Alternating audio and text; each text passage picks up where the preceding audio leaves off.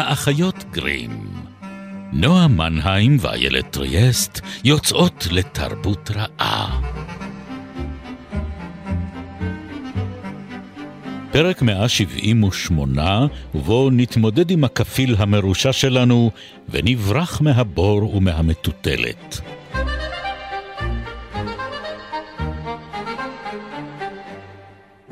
אמת, הייתי עצבני, עצבני מאוד מאוד, נורא עצבני, וגם עכשיו, אבל למה אתה מתעקש להגיד שאני משוגע? המחלה חידדה את החושים שלי, לא הרסה, לא הכתה אותם, במיוחד היה חריף חוש השמיעה. שמעתי את כל הדברים בשמיים ובארץ, שמעתי הרבה דברים בגיהנום. אם ככה, איך אני משוגע?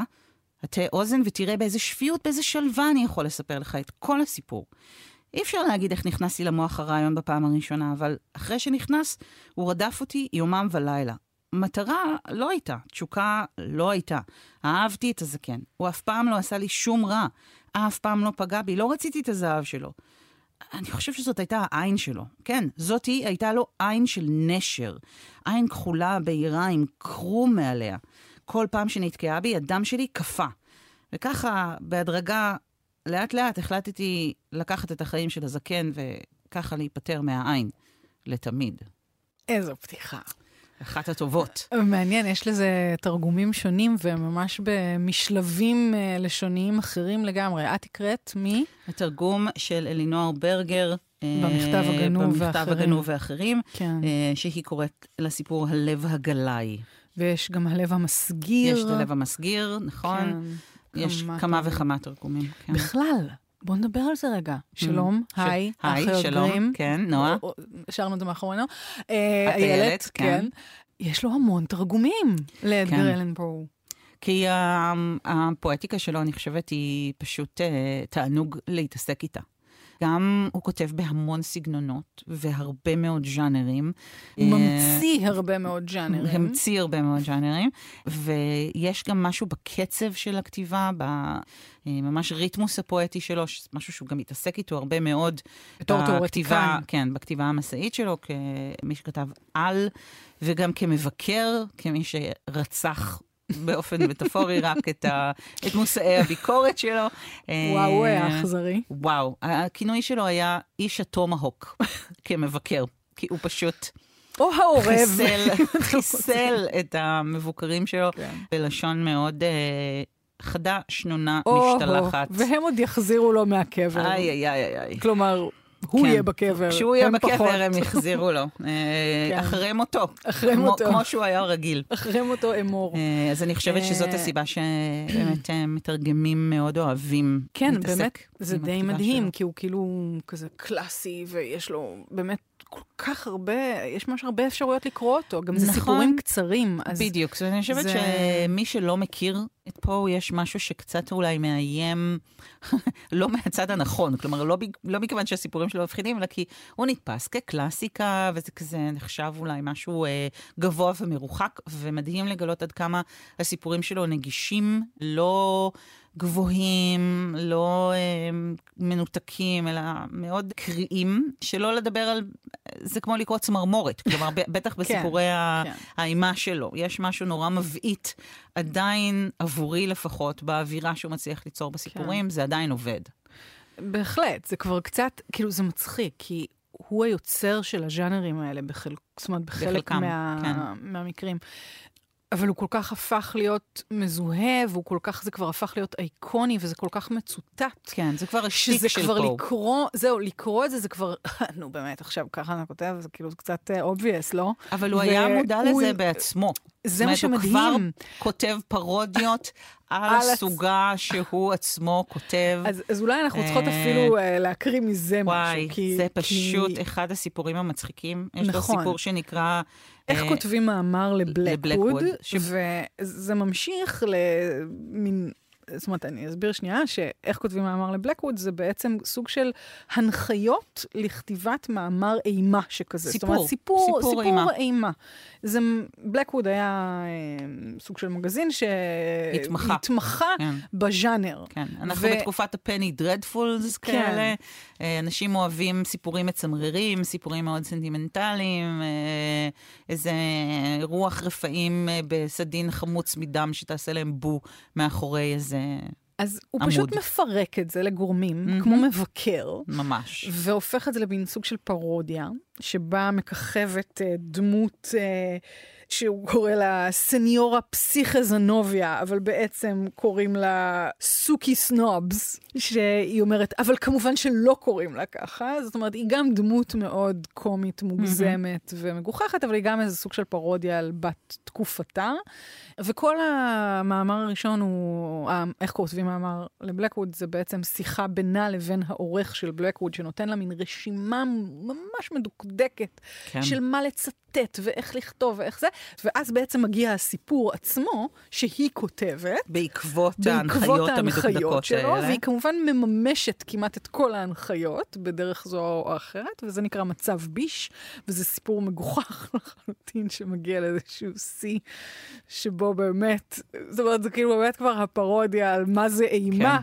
שעיניה יוצאות מחוריהן ומסתכלות עליה, והיא מתארת את עצמה. נטולת מגוון איברים שבלעדיהן קשה יהיה קצת אה, לייצר את הסיפור. לחיות. לחיות. כן, העורך מסביר לה שמה, הוא אומר, הוא נותן דוגמה. הוא אומר, "אה, היה לנו את הסיפור המתים בחיים. זה חומר משובח, תיעוד תחושותיו של ג'נטלמן אשר נקבר בחיים, מלא בטעם, אימה, רגש, מטאפיזיקה. אפשר להישבע שהסופר נולד וגדל בארון קבורה. עכשיו, זה פה פה עצמו... שאנחנו לא, אנחנו לא מכירים אותו כזה, נכון. אבל הוא נורא מצחיק. נורא. כן, וכמובן, ובסוף של אותו קובץ, אני קראתי מתוך uh, קובץ שנקרא מצב ביש, וסיפורי אימה אחרים, וזה בתרגום של uh, עודד, עודד וולקשטיין. וולקשטיין. אז הסוף, נגיד, של זה, הוא סיפור שממש נקרא...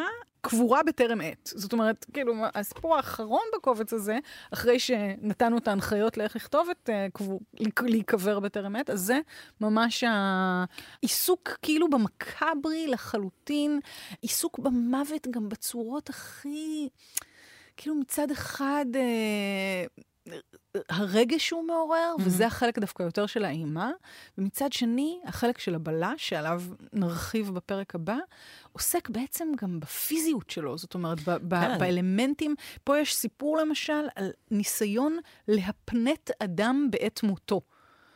ועוד מין מגוון תיאורי קבורה בחיים, על כל מיני סיפורים שקרו באמת סיפור בחלקם. שהזכרת אה, ב- בפרק הקודם, בברניס, הוא עוקר את השיניים שלה, וואו, זה זה נורא, תיאור נורא, כלומר זה כן. גם, יש משהו מאוד גרפי בתיאורים שלו הרבה כן. פעמים. ו- ואולי זה אמ, מחזיר אותי לסיבה שבגללה היה לנו קשה לדבר עליו בזמן הנוכחי.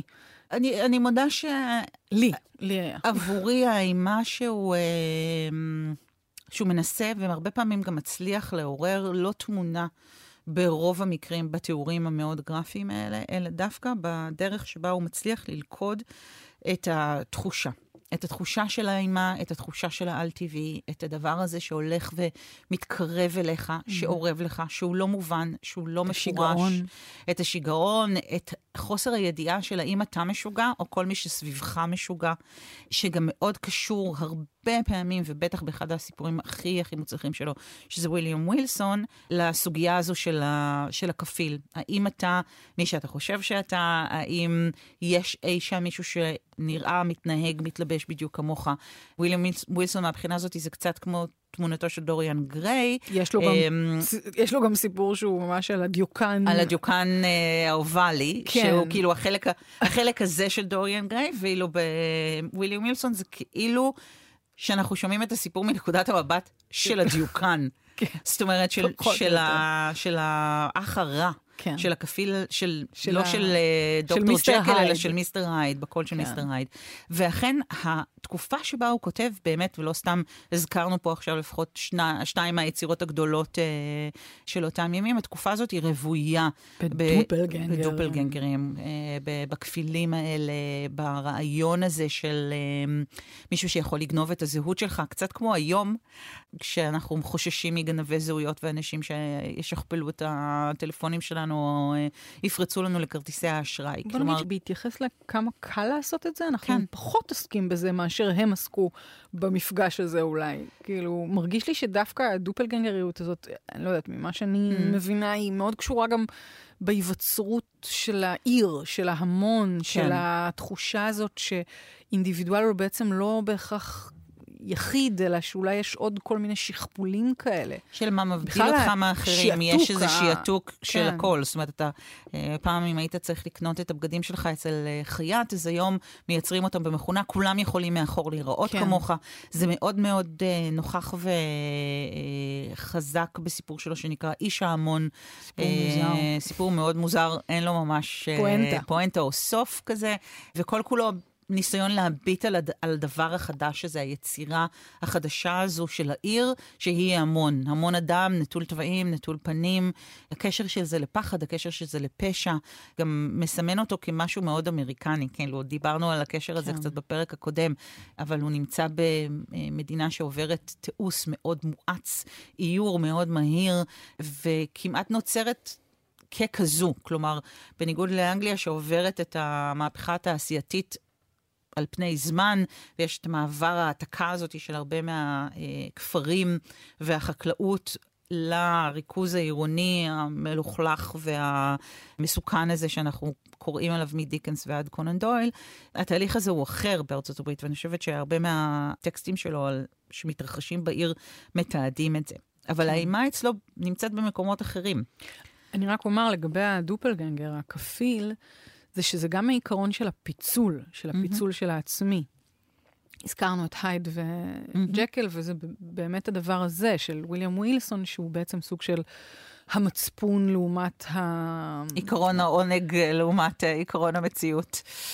זאת כן. אומרת, יש פה משהו גם של באמת איפה הרוע האנושי, ומה מדחיקים למין דמות נפרדת, וכאילו הקיום הזה המפוצל, השיגעון שהוא מוליך אליו, חיים ומוות. נכון, ובמובן הזה אני חושבת שיש גם הרבה קשר בינו ובין מחברים גותים אחרים, בעיקר אנ רדקליף, שדווקא קיבלה הרבה ביקורת כשהיא כתבה את הסיפורת הגותית שלה, על זה שבסוף אצלה זה לא על-טבעי, אלא תמיד יש לזה איזשהו הסבר, הסבר.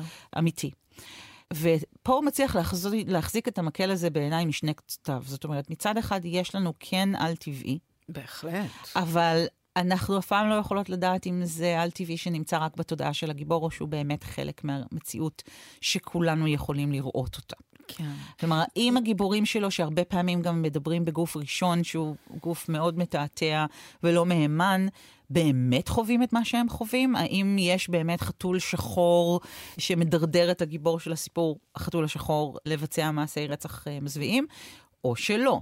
האם זה רק בתודעה שלו? אז הסובייקטיביות של הרוע מאוד מעסיקה אותו. אה, ואני חושבת שבמובן הזה הוא באמת מאוד מודרני. כן. באמת כל סיפורי הרוחות שלו, זאת מהמם. אומרת, הם באמת, יש בהם משהו כל הזמן גבולי כזה, כי, כן. כי החוויה מאוד מתעתעת, אה, אבל היא כן סוחפת את הקורא. זאת אומרת, העמדה שהקורא אה, נשאב אליה, היא העמדה של האני המספר הזה. ואז גם כל התודעה שלו איכשהו נסחפת אל תוך המערבולת הזאת, אל תוך המטוטלת, אה. אל הבור. איזה כן. סיפור מדהים זה. וואו, זהו, באמת, אה, יש פה משהו ייחודי. הבור אה, והמטוטלת, אולי נגיד עליו כן. כמה מילים. זה סיפור נורא סטטי בעצם. זאת אומרת, זה סיפור שעוסק בסטטיות ובתנועה. כלומר, כל המתח בין שני הדברים האלה. הגיבור, כל מה שאנחנו יודעים עליו זה שהוא... אה, בתא נידונים למוות. תא עינויים כזה, כאילו אה, כן. נזירים של האינקוויזיציה תופסים אותו, והוא מושלך לבור הזה, לתא כלא הזה. שיש בו משהו סטימפאנקי נורא. הוא מגלה שהקירות עשויים ממתכת, הוא כן. בעצם נמצא בקרביו של מנגנון ענקי, שבמרכז שלו יש בור. שהוא לא יודע עליו, לא, זאת אומרת, הוא, הוא נמצא מגלה בחפ... אותו. הוא נמצא באפלה מוחלטת. כן. כל פעם, זה בעצם סוג של מין אה, מלכודת מוות שמשנה את עצמה. כדי, בהתאם- על מנת נכון. להתעלל ב... בהתאם לפחדים ב- שלו. כן, כן, זה ממש... זה מדהים. זה חדר, ועכשיו זה גם חדר נוכ- חדר במובן 101. העמוק. כן, כלומר, ב- נכון. גם הנוכחות נכון. העכברושים שם, נכון, אה, כן, היא כן. נורא, זאת אומרת, זה ממש, משם אה, אני מרגישה שאורוול לקח את הדבר הזה. יכול אה, התא הזה מתאים את עצמו לב- לבעוטים של הגיבור. והוא מאוד גם בורכס באיזשהו אופן, כאילו, ה... כן, טוב, בורכס נכון. מאוד מושפע מפה, כן, גם, מאוד, אבל כן. לא יודעת למה זה גם מתכתב לי איכשהו, זאת אומרת, באמת פה מש... באופן שבו התודעה, את מקבלת את כן. התחושה כשאת קוראת את הסיפור הזה, שהתודעה של הגיבור משנה באופן פיזי את המציאות סביבו. זה הכל מתחיל בתוך הראש שלו, אבל זה מתפרש אחר כך על ידי החדר הזה, שכמעט אה, צופה את הפעולות שלו. כלומר, הוא מתחיל בחשיכה גמורה, ואז מתחיל, אה, ואז הוא מגלה שיש בור. לדעתי קודם יש את המטוטלת. לא, כי הוא לא יכול לראות אותה בחשיכה. לא, הוא לא רואה אותה, הוא מרג... הוא מרג... הוא אה, לא. רואה מין אה, אה, של כן, ציורים לא, זה על גם הקירות. והתקרה, יש זה גם כן משתנה. ואז לא. יש איזה מין פס של אור זרחני כזה, זאת אומרת, כן. גם הדימוי הוא כל כך, סליחה, אבל מדע בדיוני כבר, זה לא רק אימה.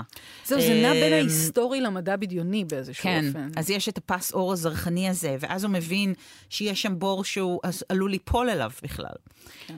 שזאת הייתה אמ, הכוונה של המענה, אבל כן. ברגע, זה יותר מזה, הוא מבין שצופים בו, שהחדר נכון, משנה נכון, את כל ה... הזמן הנזירים מסתכלים עליו. בדיוק. כן. החדר משתנה בהתאם למה שקורה לו בתוכו.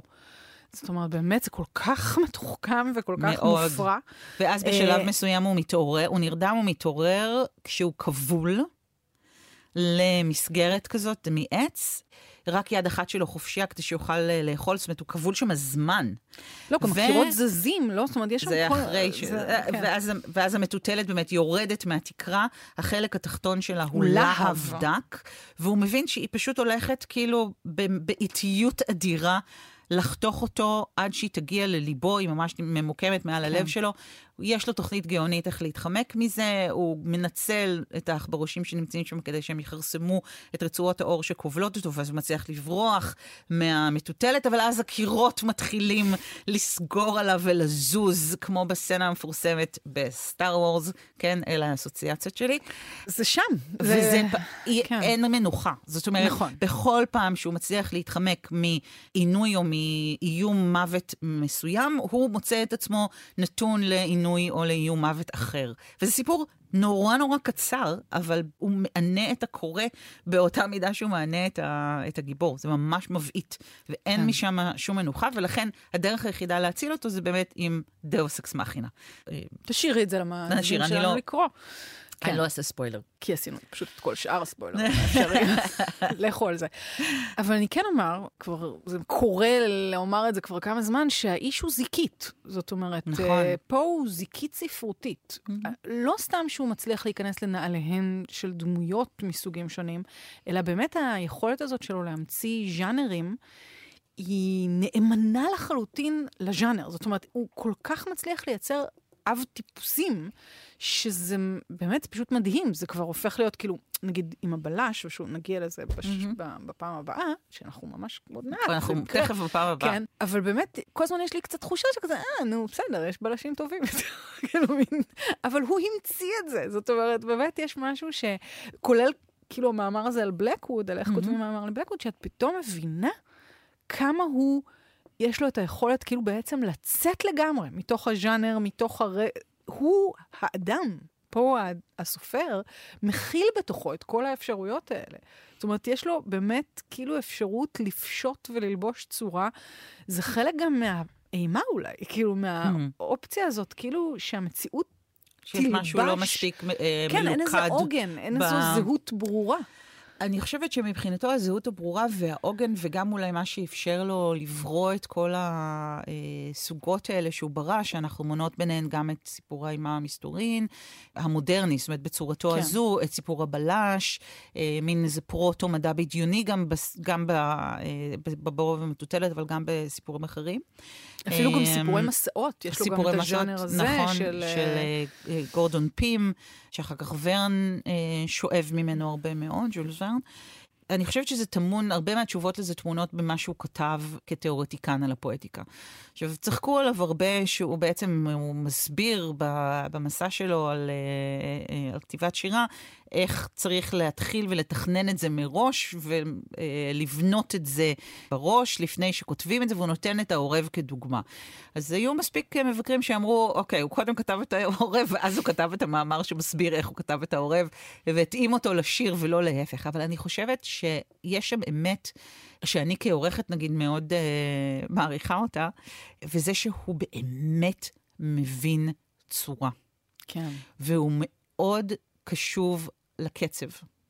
והתכונות האלה, של מצד אחד הבנת התבנית, וה... נית, ה... נית. לראות, לראות את התבנית כולה, ולהיות מודע לקצב של דברים כמו מתי אתה מוסר מידע, איזה מידע אתה מוסר, איזה מידע אתה מסתיר.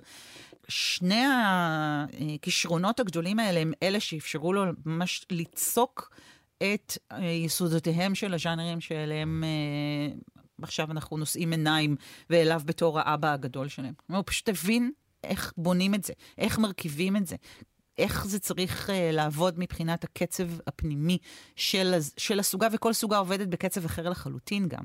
סיפורי הבלש לא ניחנים באותו uh, ריתמוס של נכון, סיפורי האימה שלו, שונה. מאוד מאוד שונים.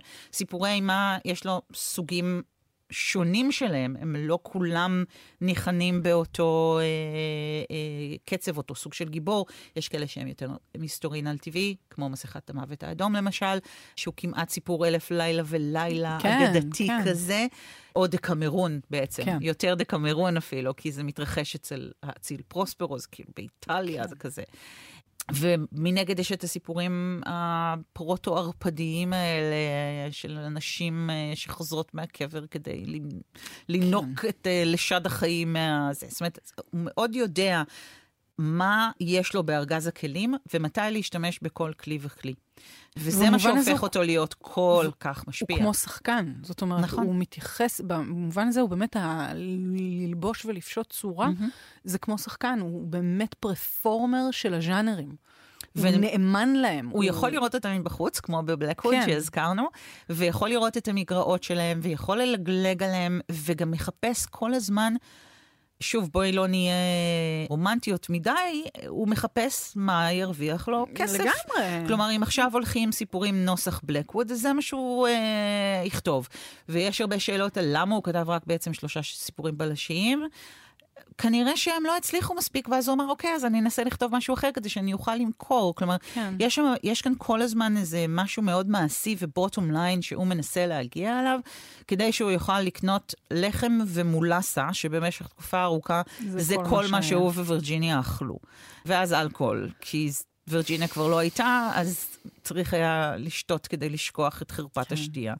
אופיום? אה, אופיום, אולי, אולי, אולי, לא יודעים, לא יודעים. אה, אבל אנחנו נמשיך לדבר עליו, יש לנו עוד יש, פרק. יש לנו עוד. ושם נפרק את הכל בצורה נפ... אנליטית אנחנו לגורמים. נפתח אותו אבל עם תעלומת אה, מותו של פו. אולי התעלומה הגדולה ביותר. התעלומה הגדולה ביותר. אז עד הפעם הבאה אנחנו אחיות קרים. ליאור רונן, תודה. תודה, איילת ריאסט. תודה לך. ונתראה בפרק הבא. עד אז, ביי ביי.